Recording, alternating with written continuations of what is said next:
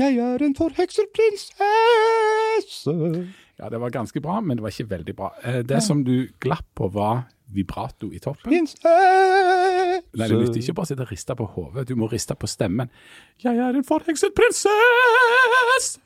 Du òg rista på hodet. Ja, jeg rister på hodet, men jeg fikk fram den, den dirrende lyden. Altså, Lytteren vil jo ikke kunne se at jeg rister på hodet. Og så bomma du på den siste tonen, og det er vanskelig, for det er et stort sprang. Ja, nei, Janne er for sein som vanlig. Hvor bliver hun? Professorinnen. Ja, professorinnen. Det har jo, men vi skal jo være så ærlige og si at det har vært mye fram og tilbake om når vi skulle starte opp opptaket av denne podkasten i dag. Det har jo det. Da er det.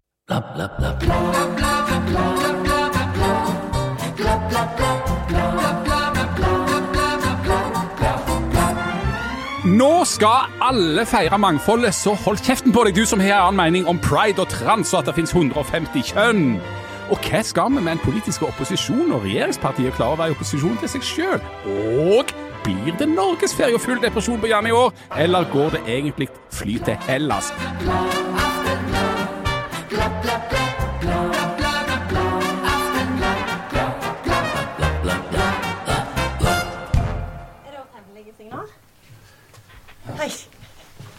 Går rett på. OK. Velkommen til Aften bla bla. Hvor mangfoldige føler du i dag, professor i ubegripelige ting på engelsk, Jagne Stigen Tangsholt? Jeg, jeg føler meg minus 100 på alle fronter. Hva føler du deg som i dag, Harald Birkevold? For det kan vel umulig være som en heterofil mann i 50 år med kommentatorjobb i Stavanger Aftenblad? Nei, jeg føler meg uh, som et renessansemenneske. Vil du helst bli kalt Loretta? Eh, altså, hvis, jeg synes at hvis du på en måte har lyst å kaller meg Loretta, så må du bare gjøre det. Sjøl så, så ser jeg ikke på meg sjøl som Loretta, nei. Jeg vil bli kalt Loretta. Sjøl føler jeg meg i dag som en 2,5 kilos sekk med, av potet med typen Kers Pink. Beklager det, men, men det kan jo bare gå bedre, da. Tydeligvis. Men karspink Kaspink er vel bra potet, er ikke det? ja, altså det er jo Ja, de er jo melende, da. De er veldig Ja. melende, og så er de et litt sånn rødlig, vart skall. De er veldig anvendelige i forbindelse med saus, for det er at de trekker veldig godt opp sausen. De er gode òg til å, å lage stapper. Ja. Uh, Alt dette stemmer jo med deg. han er- Ja, det gjør det. Altså, ja, for jeg, jeg har jo en litt sånn rødlig, et rødlig skinn, eh, Ja. og Og du er god til å lage og, og så knø med gaffelen inn i sausen. Ja, jeg er melen, mild og myk, for å bruke Bama sin definisjon av meg sjøl. Det var veldig fint. Ja, ja. Men for at jeg husker i den der boka til han Lars Mytting, eh, med et eller annet med de som svømmer eh, Der er Vi de som drukner, eller svømmer, eller Svøm vi de med dem som Det er med Svøm med dem som drukner. Ja. Der eh, husker jeg at han disser Beate-poteten. Fordi at den har så kjedelig smak. ja. Ja, men Eller han er, veldig han lett, han er veldig lett å, ko å forholde seg til. Ja. På Beate. På Ja. en annen side. Men han Ja. er litt kjedelig. Jeg er litt enig med Mytting der. Det som alltid har fascinert meg kolossalt med poteten, som sådan, da, eh, det er at mens mennesket har 23 kromosompar, så har eh, poteten 24. Ja, De er mer genetisk komplisert enn oss. Det som jeg, jeg tenker på er at Hvis du da er litt uheldig i forplantningsøyeblikket, og at du bommer på en kromosom der, så risikerer du strengt tatt å føde potet. Eller, eller jeg tenker jeg feil i naturvitenskapen, da? Jeg, jeg vet ikke. Du må ringe til noen som har greie på det. Nå ble jeg bare veldig stressa. Jeg vi- Jeg har lest at det er flere helt vanlige breiner, altså de der grønne greiene som du får, går og trør i og blir blaut på beina når du går på tur, som er mer kompliserte genetisk enn du og meg. Ja. Og Janne til og med. Til og med mer komplisert enn Skal jeg si hvem som er veldig opptatt av bregner?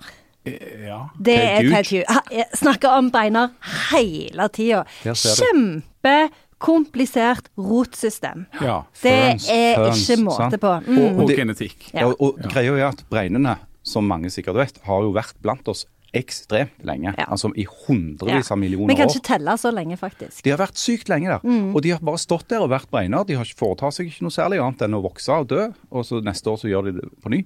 Men allikevel så har de et mer komplisert eh, DNA, genom, enn enn vi har. Ja. Jeg lurer på hva de bruker det til. De foretar seg tilsynelatende veldig lite, men der foregår en del ting. De trekker i trådene bak kulissene, kulissene, tror jeg. Mm, tror Men, jeg. Men, men alt dette fø- føler jeg at fører til at eh, risikoen for at et så komplisert menneske som du gjerne likevel ikke skal måtte føde en bregne, da, for de er altfor komplisert sjøl for deg. Ja, nå er jeg kjempebekymra for alle ting som jeg kan komme til å føde, så jeg har lyst til å bevege meg videre fra Ja. dette Men, men jeg tror bare en ting jeg vil si om det kanskje noen av lytterne som har merka at det er noe som mangler. Ja, for det var det jeg, skulle, jeg, jeg tenkte jeg skulle ta en overgang på det og si at eh, vi må også snakke om de veldig sånn enkle organismene. De som er sånn enceller der det er knapt deg, verken DNA eller kromosom eller genetikk Knapt eller noen, røde. knapt noen er registrerbar indre Ja, virksomhet At i det det er mer sånn bløtdyrsegment. eller sånn amøbegreie.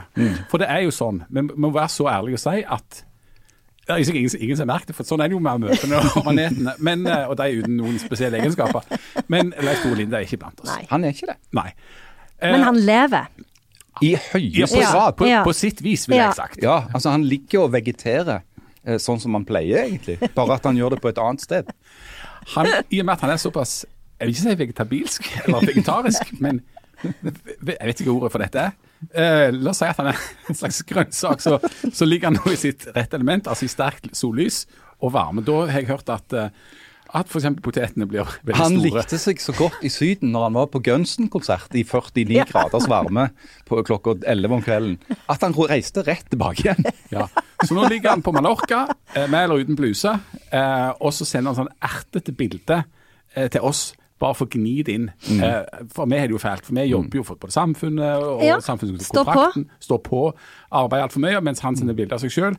Eh, nå er han jo avfallsmann, så han kan jo ikke sende bilder av seg sjøl Nei, men han sånn spiler veldig Han på de smiler bildene. mistenkelig Ja. eh, mye. Jeg lurer på om han har begynt å drikke Ja, jeg tror det. Han Eh, snakket jo om at han skulle prøve å begynne å drikke, Ja. men det gjør han jo stadig vekk. Det ble jo aldri noe med han. Og sånn sangria. Det kan være han har gått på den Ja. smellen. Ja. Ja. Som det teller. Men det smaker Hva slags alkohol er det i sånn sangria? Det kan jo være ganske mye, for de kamuflerer det ikke sant, med sånn punch-saftaktige smak. Men det er lumske drikk, Det sangria. Ja. veldig lumsk Men hva du har oppi av alkoholiske ting da? der? det er, altså, I Spania tror jeg det er rødvin og Hæ, er det? Ja, er det ikke det? Jeg tror det er rødvin og, og, det og, og sånn Fruktting. Så, sånn lett eh, lette sitronbrus som de Er heter. det? Som heter gaseosa, tror jeg. Men jeg vet ikke. Så hiver de opp, de pleier jo sånn Det er oppskåren frukt og forskjellige greier. Ja. Appelsin eller balsasin som broren min De har jo så mye Ja. appelsiner der nede at det er jo ikke måte på. Så for alt vi vet, så raver han jo rundt der nå, nede nå Ja. i, i slags sangria-rus. Ja, og nå har vi. Men, men dermed har vi på en måte avslørt det som var svaret i den konkurransen vi hadde på, på Instagram, da, om hvem av oss fire som var på ferie. For vi la ut noen bilder der som viste akkurat hvordan vi hadde det akkurat i det øyeblikket. Eh, Og alle hadde det jo fælt, bortsett fra han som ikke har noe sjelsliv.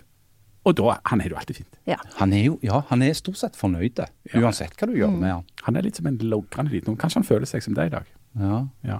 Og når vi snakker om å føle seg som forskjellige ting Ja. Det var Du en er så elegant god på overgangene. Ja. Utrolig god på overgang. Så trodde jeg jeg hadde gått på den radiolinja. Ja, og så snakker du veldig fort. Du snakker så annen sånn Ja, spanjol. Snakker som en sånn- eh, Spanjol? Ja. Esk, sånn auksjonarius. ja. Kom nærmere, kom nærmere. Du vil ikke tro hva vi har på tilbud i dag. Men vet Hører jeg 15? Hører jeg 15? jeg kommer til å få kjeft av mor mi eh, for det, for hun klager av og til på at jeg snakker for fort Ja. i denne podkasten.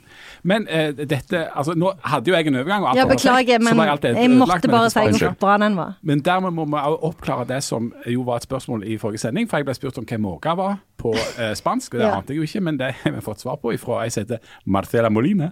Um, Det er jo juks. og det vil si, eh, Marcela Molina eh, heter jo ikke Marcela Molina hvis du er f.eks. i det sørlige eh, Spania, altså i Andalusia og sånt som det, for da ville du, eller, eller egentlig i Argentina eh, eller Chile og sånn, for da heter du Marcela Molina, altså ikke lesbing. Mm. Det er bare noen få deler i det kastilianske midtpartiet at de lesber strengt tatt. Men hun kan jo mer spansk enn meg, og kan nå uh, fortelle at måke på spansk er gaviota. Gaviota. Hva, hva, er den bokstaven i midten? hva- Det er da er det en V. Det det- jeg husker hva du sa som forrige uke. Skrives som, skrives V, men uttales med, som en liten blaute B. Gaviota. Gaviota. Jans språkspalte. Jans språkspalte. Da, Vi har- vi- da har vi lagt den død. da har vi lagt den død. Jeg kan glede eh, og bekymre folk med at vi òg faktisk har fått noen spørsmål til Jannes helsespalte. De kommer litt seinere. Men nå må vi gå tilbake til det som var den opprinnelige overgangen, nemlig hva vi føler oss som, og, og i hvilken grad det går an å føle seg som ja, forskjellig. For Nå gruer jeg meg. ja, dette, dette blir en sånn presseetisk hengemyk. For jeg Ja, har et tema som jeg har lyst til å ta opp, nemlig. Å ja, ja. Men nå må du kjøre deg alle Nei, mine. nei unnskyld. Ja. Men det er altså sånn at eh, det er pride-måned, ikke her. Altså Det er ingenting pride her, men fordi det, de holder på med noe Pride-båt i Oslo, så virker det som det er pride-måned i Norge. ja, er det ikke det? Nei, altså i, i, i Norge så er jo Stavanger på skeive, det er i august. Er det? Men det er på en måte pride-måte ikke bare i Oslo, men på en måte litt i verden. Ja, jeg trodde det var litt det sånn internasjonalt. dette handler jo opprinnelig om at de, de det, ikke er en, feiring. Jo, det er en feiring eller en markering av det der Stonewall-opprøret i USA. og sånn. Ja. Så det er jo en globale ting òg, eller i alle fall i vestlige land. Det er jo ikke, det er jo, ile til å si at det er fryktelig mange land i verden hvor du ikke hadde vært, kommet så godt ifra det hvis du prøvde å arrangere en prideparade. Ja, det er enkelte land de ikke går i, i Pride-parade. det hadde ikke gått så bra. Nei, men i og med at det da er, er, pride, iallfall noen plasser, eh, så oppstår da den årlige diskusjon eh, rundt dette med hva pride er for noe, eh, og hvor tett eh, Om det er en eh, feiring av kjærligheten og mangfoldet som alle, inkludert Stortinget og politiet og politikere og, alle og journalister og omtrent òg skal være med på, eller om det er et politisk arrangement som henger tett i sammen med eh, Foreningen FRI sitt eh, politiske program, der det står forskjellige ting. Og når, hver gang den diskusjonen kommer opp, så går det egentlig ganske hardt for seg i diskubatten og i kommentarfeltene. Og dette har du skrevet en eh, kommentar om, eh, Harald Birkevold. Dette er ikke tre kjedelige minutter, men du Nei. kan få en slags innledning til debatt. Altså. Ja, kult at du, du knesatte, sjøsatte, knesatte dette nye begrepet diskubatten. Ja. Eh, For det at jeg syns det er et godt ord. Eh, Vi må ha, vi må ha en skikkelig diskubatt om dette med pride. Eh, Og grunnen til at jeg skrev den kronikken eller kommentaren som, som ble publisert i går, da, det, det er at debattklimaet generelt sett bekymrer meg litt. Uansett om vi diskuterer pride eller andre kontroversielle ting. For det handler litt om et slags hjertesukk over måten debattantene ikke er villige til å møte hverandre. Det er ikke noe sted de kan en fellesarena. Det er mer at en sitter og skriker til hverandre fra hver sin skyttergrav. Eh, og jeg har etterlyst et debattklima hvor det går an å diskutere en del ting med innestemme. Eh, og den andre tingen som jeg har som en litt sånn kjepphest, og det er dette med de såkalte stråmennene. Altså fordi, altså I debattsammenheng så er en stråmann det er når du, du diskuterer med noen, og så tilligger du dem en mening de ikke har, for å sette dem i et dårlig lys. Og Et eksempel på det kan være at uh, hvis jeg f.eks. sier at uh, jeg syns det er litt problematisk at koblingen mellom Foreningen FRI og Pride-arrangementer, parader, er såpass kraftige som det er. Fordi at FRI har en del politiske standpunkter som er ganske kontroversielle. Så vil noen da si aha, du hater med andre ord homofile. Det er en typisk stråmann. Aha, du er imot at folk skal få lov å elske de de er glad i. Nei, det er ikke det jeg sier. Jeg sier at jeg syns det er problematisk f.eks. at Foreningen FRI går inn for å tillate altruistisk eggdonasjon. Uh, nei, eh, unnskyld, altruistiske altruistisk surrogati, altså at du bærer fram barn på vegne av andre. De vil tillate eggdonasjon. Eh, de vil oppheve sexkjøpsloven. Og ikke minst, eh, FRI mener at alle mennesker skal kunne definere sitt eget kjønn, og at det, den definisjonen de selv velger, skal gjøre at det blir juridisk bindende. Ah, Det er fire eksempler på ting som er ganske politisk kontroversielle. Eh, og jeg syns det er synd at vi får et ytringsklima hvor det ikke går an å diskutere det på en eh, fortrinnsvis saklig måte. Hvordan kan det si at, at vi ikke klarer det? Hvorfor, hvorfor blir en stående og skrike til hverandre, og hvorfor blir det så enormt hett i, i debatten der? Jeg tror det er, det er mange grunner. Altså, en, en grunn er at dette tangerer veldig sånn, altså, områder i livet som kaller på veldig sterke følelser. Hvis for eksempel en, en, av, en av hovedfrontene i denne debatten det går mellom det du kan kalle i gåseøyne tradisjonelle feminister, som ser at deres kamp for eh, kvinner eh, som jo altså, Den blir trua hvis det er sånn at begrepet kvinne ikke lenger er så enkelt å definere. Hvem, hvem er det da du kjemper på vegne av? Eh, det andre er at det er et faktum at folk som sliter med det som kalles på fint kjønnsinkongruens, altså du, at du har en oppfatning av at du tilhører et annet kjønn enn det du er biologisk født som, eller som du kanskje har utseende som, har hatt og har fortsatt store, store utfordringer med å bli akseptert. Både av seg sjøl og av verden rundt. Eh, Dette er folk som har et helt åpenbart behov for å bli anerkjent og forstått og godtatt. Det skulle nesten bare mangle. Eh, Og Det gjør at følelsene blir enormt sterke. Eh, Det andre jeg tror jeg dessverre, er at sosiale medier er konstruert på en måte som oppfordrer til maksimal uenighet. Det belønner innlegg som, som kaller på sterke følelser, enten for eller imot. Og taperen i dette her blir den fellesarenaen, det stedet hvor du kan diskutere ting med innestemme, kanskje se hverandre, erkjenne at eh, begge parter har kanskje et poeng. Eh, det som vi tradisjonelt sett ser på som en i gåseøyne siviliserte debatt om vanskelige ting. Eh, det minner litt om de steile frontene i, i klimaspørsmålet, eller i spørsmålet om forholdet mellom Israel og Palestina. I forholdet til abortgrense. Forholdet til bioteknologi og muligheten for senaborter. Altså, det er, er, noen sånne spørsmål som kaller på ekstremt sterke følelser, og hvor det er vanskelig å finne sånn, et sted å diskutere dem. Og Hensikten min med den kronikken var å liksom oppfordre til å på en måte anerkjenne hverandre litt. For så er det en Altså, Hvis du er transaktivist, så er du helt åpenbart i en minoritet. For det er veldig få mennesker totalt sett av 100 eller 1000 som, som har eh, den problematikken. Ja? Eller som har den eh, virkeligheten. Uh, men det er òg andre minoriteter som i et liberalt, demokrati har krav på en eller annen form for vern og, og bli sett. Og Det er f.eks. konservative kristne. Janne, du ser, altså jeg, jeg, definerer deg veldig ofte som ei kvinne. Veldig ofte? ja, ja, eller egentlig alltid. Jeg, ja, nesten hele tiden. Du, du, ja, du, ser ut til å definere deg sjøl som det òg. Eh, men uh, for, She, her. For she, her. Men, for, for, altså for det, du, men du er jo òg feminist, sant? Eh, og opptatt av, av altså en slags feministisk inngang på både det ene og det andre. Står, eller, hva tenker du, og hvor står du hen i denne debatten rundt, eh rundt kjønn? Jeg syns det er veldig vanskelig, fordi jeg syns jo Det er jo sånn som Harald sier, at det, eh, på grunn av at dette er noe som eh, på en måte har Det har blitt åpna for bare i løpet av de siste årene, så er det jo naturlig at at, eh, at, eh, en får en del sånne ekstreme problemstillinger hvor en del ting som gjerne ikke er så vanlig, blir framsatt som et sånn 'dette må vi ta tak i, og dette må vi forholde oss til', og dette liksom er et problem. Eh, så, så, det er jo eh, det er jo én ting. Men en annen ting er jo at, eh, som òg Harald sier, er jo at en del eh, av feministene som, som på en måte var veldig viktige for den bølga som gikk på 70-tallet, f.eks. John Maine Greer eller òg JK Rowling. Eh, som har kjempa veldig hardt for eh, en del konkrete fysiske rettigheter for kvinner, opplever at disse blir utvanna som en del av denne her, eh, debatten.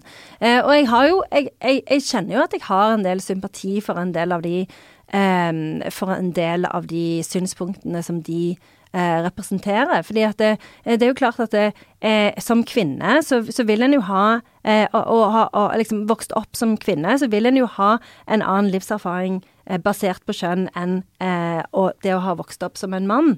Så at jeg syns jo at det er en del sånn konkrete ting som som de argumenterer for som har veldig mye for seg, men samtidig så, så respekterer jeg jo eh, at eh, det er ikke alle som føler seg hjemme i sin egen kropp, og, og at folk bryter eh, eller gjør opprør mot en del sånne eh, kjønnsstereotypier.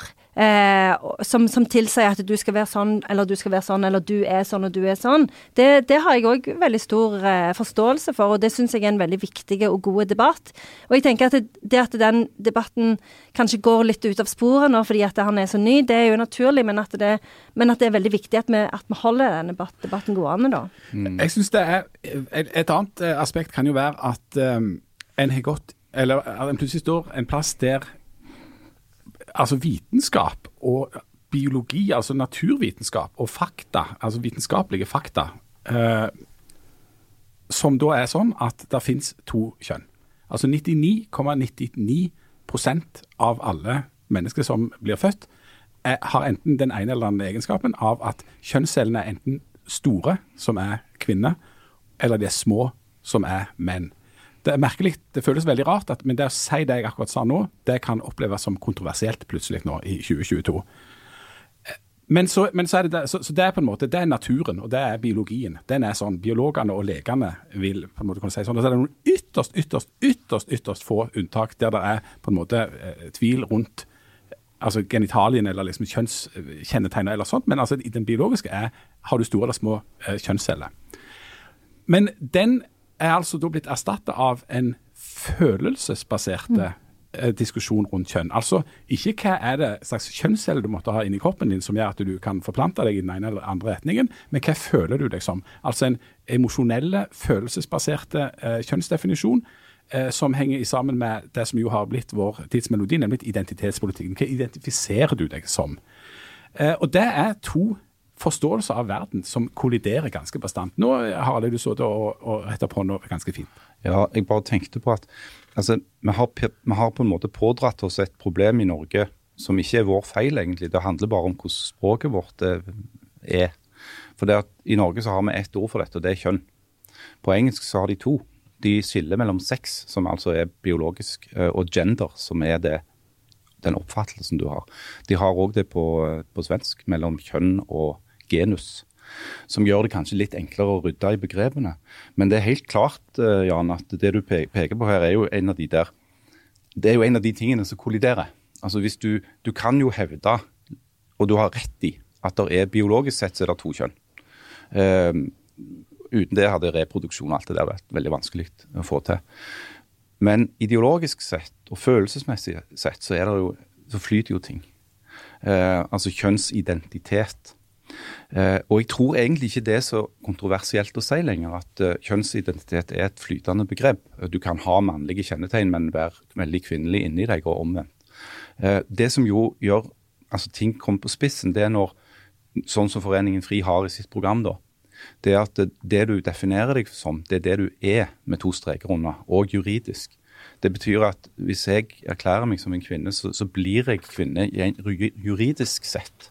Eh, det er til og med et programpunkt i FRI sitt program som handler om at de vil gå vekk fra kjønnsspesifikke personnummer. Eh, og Da vil det jo noen som rekker opp hånden og sier jo, men hør, jeg forsker på kjønn. Hvordan skal jeg finne ut vesentlige ting om kjønnsforskjeller hvis det ikke kan se på personnummeret om vedkommende er en mann eller en kvinne. Det er bare et eksempel på hvor komplisert det kan bli. Um, så, så, så, er det jo også sånn at jeg tenker at det er en del av altså det er en del stråmannsargumentasjon ute og går for de som ønsker å kritisere FRI òg. Altså Stråmannsargumentasjon i den forstand at en alltid henter fram sånne ekstreme eksempler. Det kan f.eks. være om eh, idrettsutøvere som får en urettmessig fordel ved å, eh, ved å definere seg som eh, kvinne da, istedenfor mann. Eller det kan være sånne tenkte eksempler om eh, garderober og toaletter og osv. Eh, som kanskje gjør det problemet større enn det egentlig er. Men det, blir, det er òg typisk eksempel på sånn som fungerer godt i sosiale medier. For det fører til Se her, Eh, for tre uker siden så var han mann og deltok i manneklassen i svømming. Nå har han blitt dame og vinner hver eneste stevne han stiller opp i. Er det riktig? Nei, sier folk. Det er feil. Men det er jo bare én fyr i USA. Altså, du kan ikke generalisere ut fra det og si at dette er et allment kjempeproblem. Men, må, kunne si at denne Foreningen FRI har, gjort en, har vært veldig god på å drive politikk, for de har jo klart å få Eh, sin tankegang inn i veldig mange områder. Altså, i, altså Bedrifter er voldsomt opptatt nå for tida av at de skal være mangfoldige. Mm. Eh, alle skal være mangfoldige. Det, er liksom, det finnes ingenting som er et uh, bare honnørord. Eh, og det kan gå og, og liksom altså innenfor, ja, innenfor, felt som en skulle trodd var ikke drev med aktivisme, f.eks. innenfor journalistikken, kan en også diskutere. Innenfor akademia kan en òg diskutere dette her. Um, og en uh, interessant podkastserie som dessverre roter seg litt vekk, men en, en, en podkastserie fra, Nord-Irland faktisk heter Stonewall diskuterer ja, Med eh, utgangspunkt i Stonewall. Med, med utgangspunkt i Stonewall-opprøret. Uh, at BBC uh, tok inn en hel masse ting i sin liksom, sånn, HR-politikk på hvordan BBC skulle være, fordi de ville komme høyt på en sånn ranking i å være sånn mangfoldige. Men, de, men, dermed så inkorporerte de bare en drøss av ting fra den politiske interesseorganisasjonen som sto for akkurat dette, altså, den, altså ekvivalenten til Fribort i England. Eh, det ville en jo ikke gjort med så veldig mange andre politiske organisasjoner. Eh, og, og, og, det er liksom hvor tid, altså, Kan en være like kritiske til det som står der? og, og, og um, så blir det jo en veldig sånn utvendig form for mangfold. For mangfold er jo nå for tida da synlig mangfold. Det er altså eh, som Kristin Clemet skriver om i, i, Subjekt. altså eh, Mangfold er en ytre ting. Det er hvordan du ser ut. Hvis de prøver å arrangere en debatt der det sitter tre menn i panelet, da får de masse kjeft. Hvis det ikke er sånn at en av de er uttalt homofil eller har en annen farge. For da er det mangfold, for det kan vi se. Eh, men hvis, hvis, det er tre damer, så er det topp. Da er det, da er det kjempemangfoldig. Men mangfold i meninger. altså Hvordan skal en tolerere det, eller hvordan skal en håndtere det? altså det Som, som Harald var inne på. hvordan eh, vi, Hvis vi er glad i mangfold, hvis FRI er så glad i mangfold, så må de være kjempeglade for å få kritiske innspill, og for og at folk mener noe annet enn deg, f.eks. Mm. Og det samme måtte, måtte det være for, for konservativt kristne, som vil at folk skal være frie og tenke selv. Da må de være kjempeglade for at FRI mener det de mener. Mm. Men problemet er jo hele tiden å forholde seg til meningsmangfold som går på tvers av det du allerede mener sjøl. Men jeg forstår òg at en del aktivister, enten de er transaktivister eller aktivister i andre skeive eh, grupper, kan bli trøtte og leie. For det at jeg har sett eksempler på innbokser til folk som står i den kampen, og som får veldig mye meldinger av typen Fy faen, så ekkel du er. Bare gå og ta livet av deg. Jeg hater sånne folk som deg. Eh, de, det kan jo gjøre at folk får det samme inntrykket som du får hvis du bare leser kommentarfeltet i avisene så kan du få inntrykk av at folk er forferdelig sinte. Men, men, det er jo bare de få som har gidda å skrive den der idiotiske mailen til deg, sin mening. Det er ikke, Folk flest går jo heldigvis ikke rundt og hater folk som er annerledes. Og det er det som det er mitt Altså, det, det oppstår en slags hva heter det på fint? Altså, Det er en slags dissonans. For det at pride er ekstremt lett å, å like og støtte. Pride som en feiring av at det endelig er lov for folk å være glad i hvem de vil, så lenge de er voksne og det er frivillig. Sånn.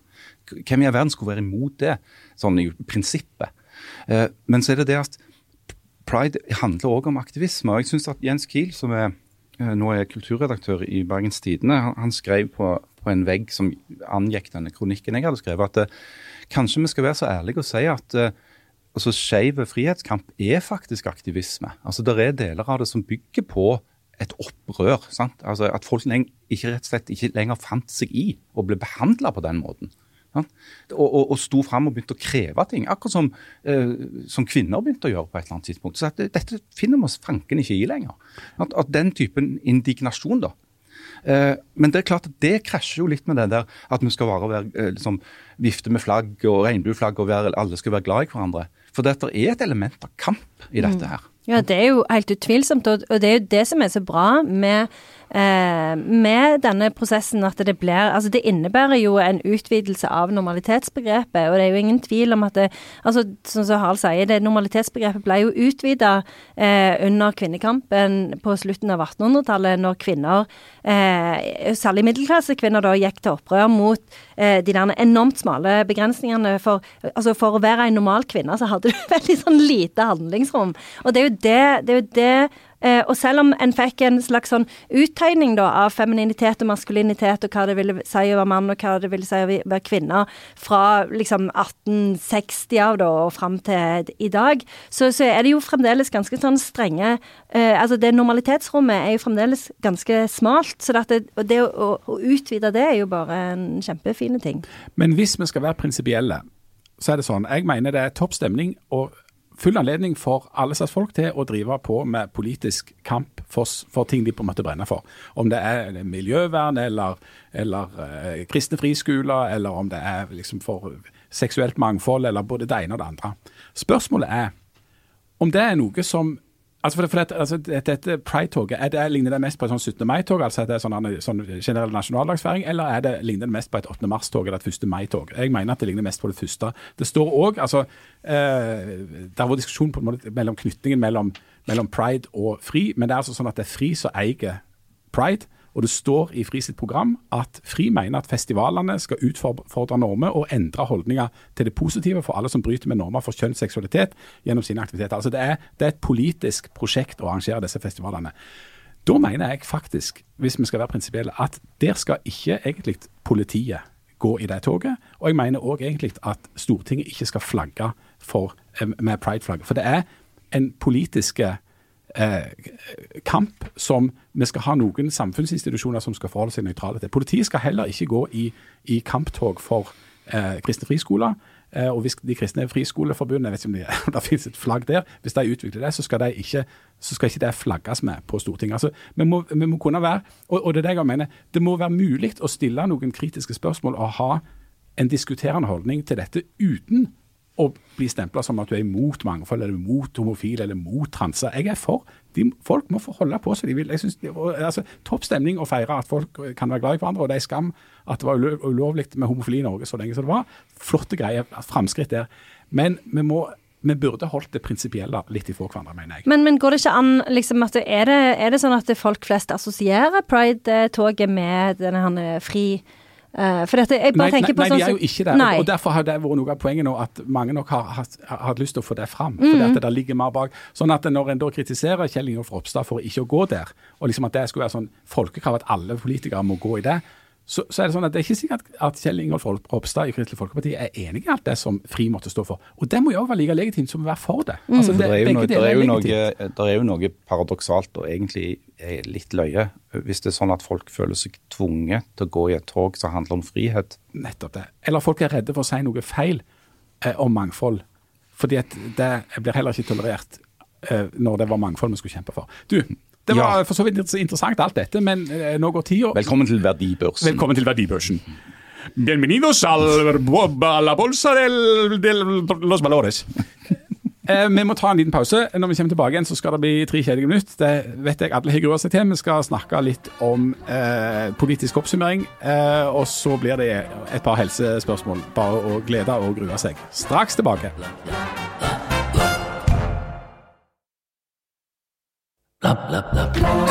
Hjertelig velkommen tilbake. Jeg lurer på om vi skal starte i helsespalten. bare for å... Nei, Forresten, vi må jo starte med markedsføring.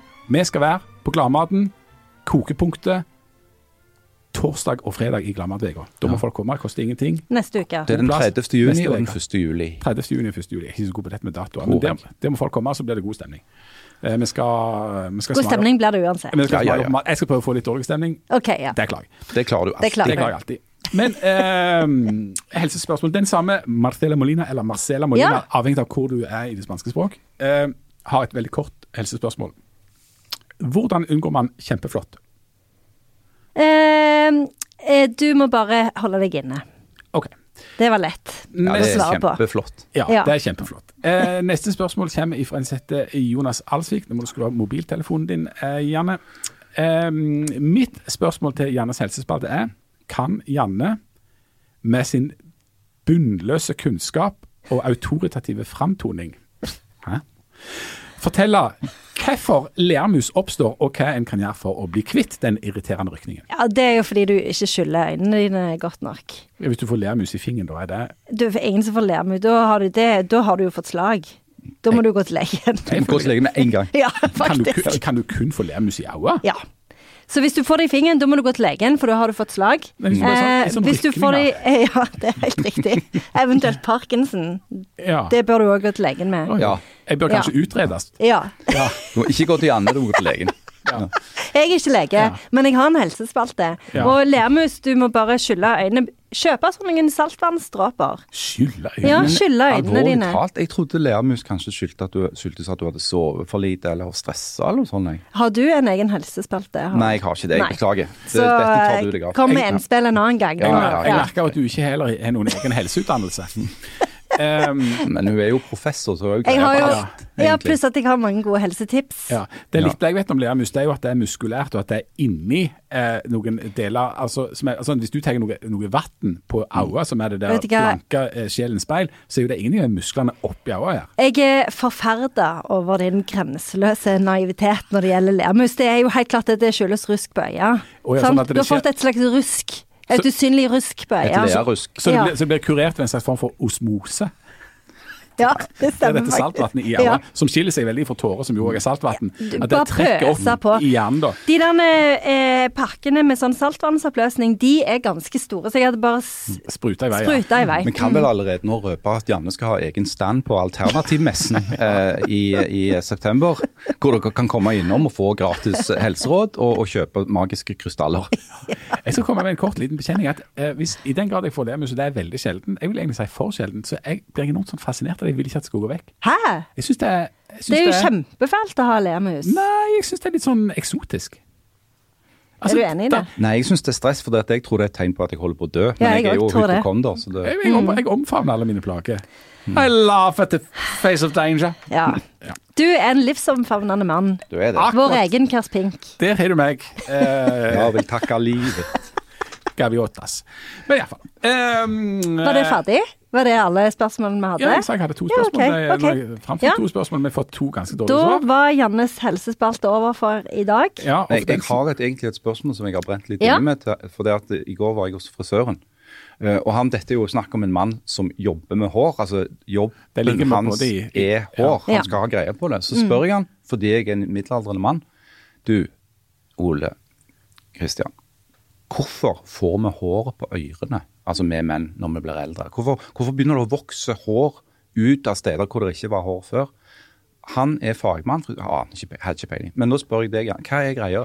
Det er jo av samme Er det en spøk fra Guds side? Ja, for det er samme grunnen som at kvinner eh, i overgangsalderen får sånne lange, svarte hår som vokser ut fra haka. Ja, hva er greia? Nei, det er fordi at du eh, For kvinner sin, sin del så er det jo fordi at du mister østrogen i kroppen. Så jeg regner med at det samme gjelder for menn, at du, Du er mister testosteron. Du er i ferd med å bli en, en, eh, en, en gammel mann. Eh, så det, det, da, da får vi Men bare biologisk. Ja, bare biologisk. Ikke, ikke, ikke psykisk, Du, eller du kan føle deg som en unge mann. ja, det kan du faktisk, og det er det veldig mange som gjør. Ja, gjør men, det, men- eh, for, det, for kvinner så har det jo tradisjonelt sett eh, vært et signal om at nå bør du trekke inn i skogen og aldri vise deg igjen for eh, menneskene. Stemmer, stemmer. Men, De eh, hadde ikke pinsett i middelalderen. Nei, Så, men nå har vi jo pinsett. Ja. Så nå anbefaler jeg jo alle å bare eh, stenge ute at de hårene Altså du bare napper de ut så fort du kan, og så bare stenger du Mm. Saken er jo at du er alltid en av de siste som ser de. Sant?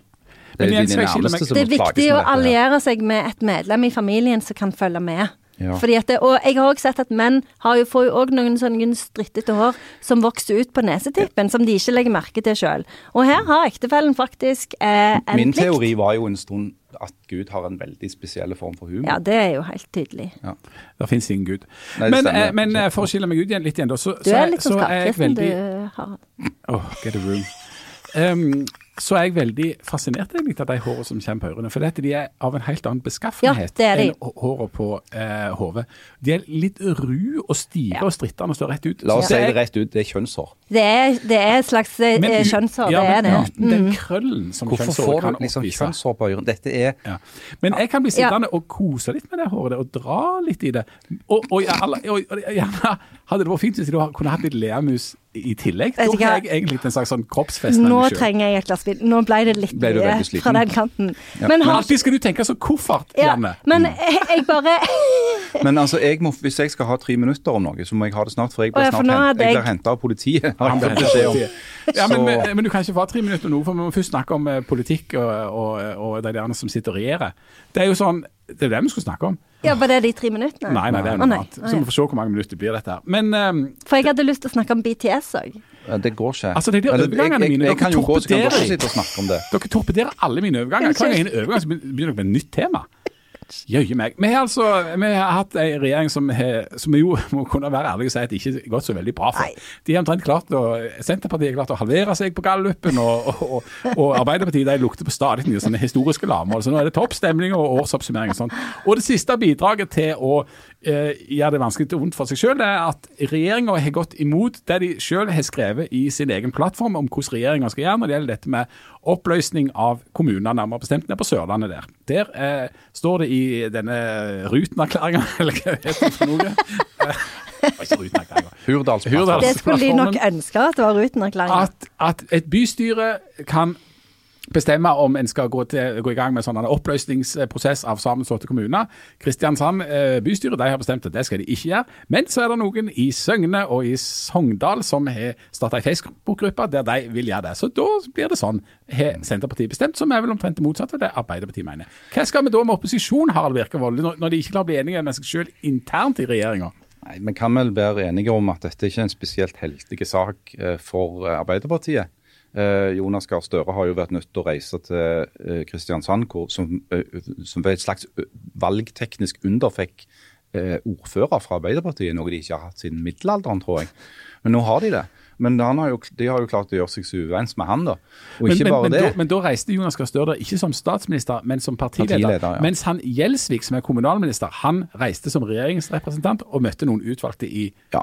Ja. Søgne og de. Ja. Men i tillegg så har jo Støre òg pådratt seg et uh, harmdirrende brev fra det såkalte storbynettverket i Ap. For en, en av de store suksessene for Ap i forrige valg, det var jo òg at de fikk kontroll i mange kommunestyrer i store byene. Eh, Bergen og Stavanger og Kristiansand. Men er ikke dette oppskrifta på å virkelig gjøre det vondt og vanskelig og umulig for seg sjøl, når moderpartiet Arbeiderpartiet sitter i Oslo, gjør noen hemmelige avtaler med Senterpartiet og overkjører eller nærmest rævkjører sine egne folk ned i Kristiansand, som ikke blir spurt eller hørt, før de plutselig får beskjed om at nå skal de gjøre det motsatte av det som står i, Ja, i jeg, jeg tilhører jo en av de som mener at det, det er ikke så opplagt at dette er et brudd med, med Hurdalsplattformen som noen vil ha det til. Fordi at det, det, det som Senterpartiet har sagt, det er jo at det, det vil jo stride mot hele ideen med at du skal kunne reversere tvangssammenslåinger. Hvis det er sånn at, For det er en bitte liten kommune blir slått sammen med en kjempestore. Sant? Og det er alle de innbyggerne i den nye kommunen som oppstår, som skal votere om den bitte lille skal få lov å gå ut igjen. Så vil jo de aldri kunne gå ut igjen. Så det, det er jo sånn Senterpartiet har argumentert. Jo, men dette må vi spørre folk som bodde i Søgne og Sogndalen om. Ikke, ikke de som bor i Kristiansand. De vil jo selvfølgelig ha Lebensraum. Sant? Men, Så- men, så- men nå, var, nå var jo Gjelsvik nede da, og snakket med folk i disse kommunene. Da møtte han folk fra næringslivet og masse folk som bodde i disse kommunene, som mente det motsatte. Som sa at dere må for all del ikke oppløse. Og så sier jo Senterpartiet at ja, nei, det er veldig viktig at vi snakker med folk, og at folk får lov å bestemme sjøl. Men de innsnevrer jo stadig og er veldig selektive på hvilke noen folk som skal snakke, og hvilke noen folk de skal høre på. For det fortsetter hele tida at de er enige med det som er det Senterpartiet vil. Altså oppløse. Ja, eh, og det er vel typisk Senterpartiet at de har eh, en større tendens til å vektlegge hva folk mener i Søgne og Songedalen, enn hva de mener inne i Kvadraturen i Kristiansand. For Senterpartiet skulle jo liksom være partiet for de som ikke bor i sentrum. Så jeg tror dette handler litt om en sånn dyp ideologisk kløft. Men det jeg syns er mest interessant med er jo den dynamikken som oppstår i Arbeiderpartiet. For jeg har iallfall gjort meg tanker om at Ap pleide å være et parti som hadde ganske god partidisiplin. De var flinke til De, de krangla på kammerset, ble enige, noen hadde snakka sammen, da, da, da, og så tok de et vedtak, og så sto de på det. Nå er det jo sånn at det, det, hvis du spør ti Ap-folk om noe, så har de ti forskjellige meninger. Det pleier ikke å være sånn. Så nå har Høyre tatt over den rollen som et sånt parti som har veldig sånn retning, styringsretning. Det er Erna er stjerna, og alle går i samme retning. Tutt og kjør. Eh, så der har Jonas Gahr Støre et stort problem, indremedisinsk problem, med å få samla laget om en, eh, en, en retning. Men så har han jo hatt det vrient òg som statsminister. eh, fordi at Helt fra de tiltrådte så har det egentlig bare vært den ene brannslukkinga etter den andre. Med koronapandemi, med krig, med prisstigning på strøm, med bensin og opprør, histen og pisten. Eh, sånn at de, har ikke fått den tiden som de kanskje skulle ønske seg til å snakke om det de har tenkt å gjøre politisk. For det er bare snakk om den ene krisen etter den andre. Ja, det, som- delvis er de skyld i det sjøl. Ja. Du som politisk, eh, poli professor i britisk politisk og norsk politisk historie, gjerne Stigen Drangsholt. Eh, hva, hva tenker du? Er du eh, føler du at det går kjempebra for ikke regjeringa nå? Nei, som menigperson eh, i gata, så syns jeg det virker som det går kjempedårlig. Ja.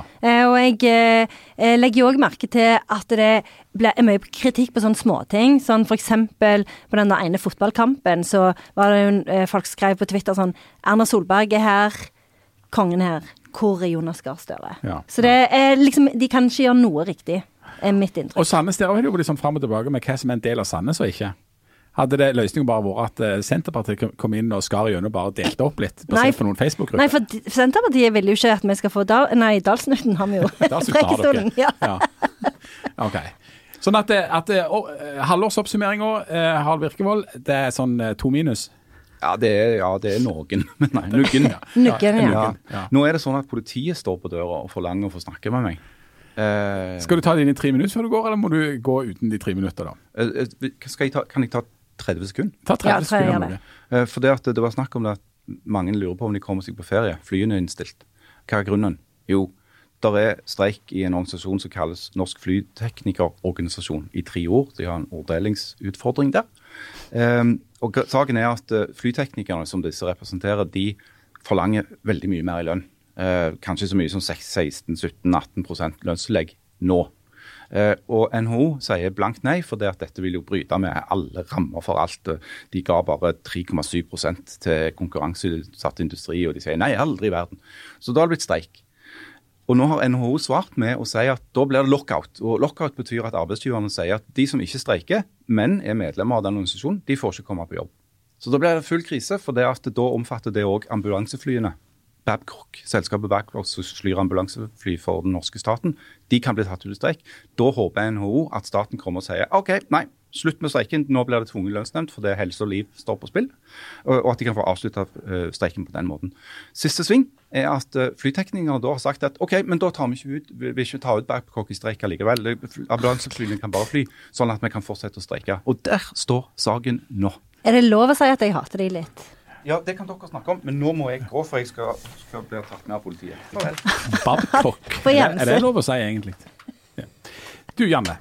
Tror du tror, altså, det, det, And then there were two. And then there were two. Altså, yeah. jeg, føler, jeg føler denne, akkurat denne podkastsendinga går sånn ja. Nå, Men det går bedre enn regjeringa. Det går veldig mye bedre enn Ja. regjeringen, men det er to av fire. Det er Ja. jo iallfall 50 Og du har jo på deg Hamilton-T-skjorta, da blir jeg alltid i godt humør. med. Jeg er alt for deg, Janne. Ja. Not. Em, ser du for deg eh, at du skal komme deg til Stavros og Gyros? Jeg er veldig bekymra. Du kjøper dette, sant? Ja, ja, Ja. selvfølgelig. Eh, og det er jo i SAS, så det at det, om denne streiken går bra Før eller er etter det 29.? Nei, etter. Etter, ikke så, Så det, streiken er begynt. ja, så det, det, er flere problemer. Men jeg har jo vært så stressa i så mange år nå eh, at jeg, jeg har, kjenner at jeg har brukt opp stresset litt, faktisk. Jeg er stressa, men jeg har liksom tyggegummien, stresstyggien er ikke helt svart. Ja, men du er ikke helt sånn zen ennå? Jeg er jo aldri det. Ja. Så, men jeg er bekymra. Jeg har en eh, plan B. Som er? går ut på å kjøre. Eh, eh, men, men For det er jo ikke bare dette her med eh, eh, Det er jo eh, flyteknikeren sin streik, det er eh, SAS-pilotene sin streik, og så er det jo òg dette problemet med eh, at det er altfor lite folk på jobb på flyplassene. Så, så dette for eksempel så ser jeg for meg at det å reise hjem kan fort bli et problem, fordi at du kommer deg ikke gjennom security-kontrollen, selv om du er der fire timer før. Så, så det er så mange utfordringer her eh, at jeg tror kan Nei, jeg hadde ikke valgt norgesferie uansett. Men eh, jeg syns i hvert fall det er dårlig gjort. Ja, det er det siste. Så skjer det at du har reist på norgesferie. Det Da det, skjer ikke. Da er det rett inn på asylet. Ja, når du- da er det lermus på begge øynene. Men eh, de er veldig gode til å ta på de der, spesielt i sånn korte stiler. Jeg har ikke jeg sånne. Jeg har bare her. Ja, du sitter og plukker på de ja. hele tida. Ja. Um, På haka, for de som ikke kunne se Ja, ja. at jeg pekte på haka. Men så er det jo bra at du er så enormt rik, da. For det er jo sånn at hvis det er streik, og du ikke får reist, så får du heller ikke pengene tilbake. Nei, det gjør du jo ikke. For det har du jo ikke rett på. Nei. Så, så dette, det er jo en, eh, det en tap-tap-situasjon. Det må vi kunne si. Vi skal til eh, Amerika, av alle ting. Det jeg kan si om det, det er at eh, det er enormt vanskelig å ha en sånn plan B om f.eks. kjøre over. Ja, det, mest- er det jo. Altså, det er så godt som mulig. Ja. Eh, nå har vi riktignok elbil og, og, og sendt, den går ganske langt, men det er enormt vanskelig å få lade der på vei over havet. Så der er vi eh, der, Det blir interessant. Og så går det an å si- det at eh, flyprisene er ganske høye. Så, så vi har lagt ut litt der. Og hotellprisene er ganske høye. Og en del av de hotellene har òg begynt å ta eh, at du må betale et slags positum mm -hmm. pga. coviden. Det får du ikke tilbake. Det er mange ting som, ja. som er problematiske nå. Og, og dere må vel òg eh, ta en eh, test? Nei, det avskaffa de faktisk forrige søndag. Sånn Ja, okay. men, men, men det er jo så mye papir og, og, og altså strid og lort at jeg er jo nervøs for det hver dag, selvsagt, for hvordan det skal gå. Men Ja, for at vi skal til Frankrike, og der skjønner jeg fremdeles ikke helt hva reglene er. Nei. Fordi at eh, der eh, står det noen steder at hvis du er under 18, så trenger du ikke covid-test, men andre steder står det at hvis du er over 12, så må du ha. Så ingen vet. Og dette illustrerer jo noe av det helt sånn rare og altså virkelig sånn surrealistiske etter at vi liksom snakket i to om dette med korona, og så ble vi endelig ferdige med det. Og da har alle vært på norgesferie, og alle sitter både Lofoten og Vestlandet, og nå skal vi pinadø ut i verden her, koste hva det koste vil, og det koster. Og så var det ikke så enkelt allikevel. For plutselig ble, vi da møtt av, eh, av en masse ting som ikke fungerer fordi, eller av korona, pluss at det har gått med en, en krig i tillegg. da, og, og ja. Det er liksom ikke sånn på skinner. Det skulle jo liksom være på skinner da. Ja, det er veldig, veldig lite på skinner. Det er veldig anti på skinner. Ja. Eh, og, eh, og, og nå eh, så jeg jo Så er det liksom alle disse herne små ting, for det er jo all slags sånne streiker òg, altså sånn vanlige typer streiker som er lansert rundt omkring i Europa. Nå var det jo vel togstreik i London i går. Hele England. Eh, Ja, hele tre- ja. tre dager. ja. Så, dette, så, så det, er, det er liksom hver gang du tror eh, at du er ute, så they pull you back in. Ja, ja, pull you right back. Ja. Eh, sånn sett så blir det litt mer spennende enn eh, vi skulle sette pris på, eh, akkurat om det blir noe ferie på år. Men dere, Ja. ja. men dere kjører ned hvis ikke, da? ok, greit. Ja, og, og jeg, har, jeg tenker Altså, her er det Det er, det er sykkel, det er jeg, Det er mange plan, det er mange planer. Det er plan A, B, C, D. Ja. Ja. Jeg kunne tenkt meg å teleportert meg sjøl, Ja, Hvorfor fins ikke det? Ja, altså De folk har jobbet med det kjempelenge. Ja, altså, det burde jo eksistere, faktisk. Det syns jeg er hårreisende at det ikke finnes. Jeg mener at Elon Musk burde ta tak i det. Hvis han skal jo bare reise til verdensrommet. Ja, det er jo eneste han tenker på. Ja, vi må få oss til Hellas. Det var et eller annet du ville snakke om. BTS. BTS. Vil du ikke det? Er det en slags sandwich? Nei. Det er jo BT? dette her eh, koreanske boybandet som eh, den 14. juni sa at nå skal vi ta en pause. Eh, og de har jo så mange fans over hele verden eh, at det ble veldig eh, dårlig stemning. Og det føler jeg på et sånn astralt nivå så har det bidratt til den, til den dårlige stemningen på streikefronten og alt. Eh, og, og så eh, eh, syns jeg det er så veldig interessant, for det er jo BTS som, som på en måte er grunnen til at eh, k-pop har blitt sånn et enormt stort fenomen. For at de ble så enormt store over hele verden. Eh, og så har jeg sett at det er jo mange sånne eh, seriøse medier som nå har eh, spekulert i hvorfor har de blitt så store. F.eks. New Yorker hadde en sånn en lang artikkel denne uka om hvorfor BTS har blitt så store. Men de klarer ikke å svare på det. Hvorfor er de blitt store? Nei, de er bare, det, det er en eh, helt totalt uinteressant artikkel Ja. hvor de forklarer at de er kjempestore. Ja. Og det er de jo. Eh, De er jo større enn Beatles. De er gigastore. Men Men, ingen klarer å forklare hvorfor de har blitt så store. Nå lever jo jeg nesten ikke tydeligvis i samme tid, for jeg har aldri hørt om dette. Jeg, trodde, altså, jeg vet at BLT er en sandwich, en ganske god en.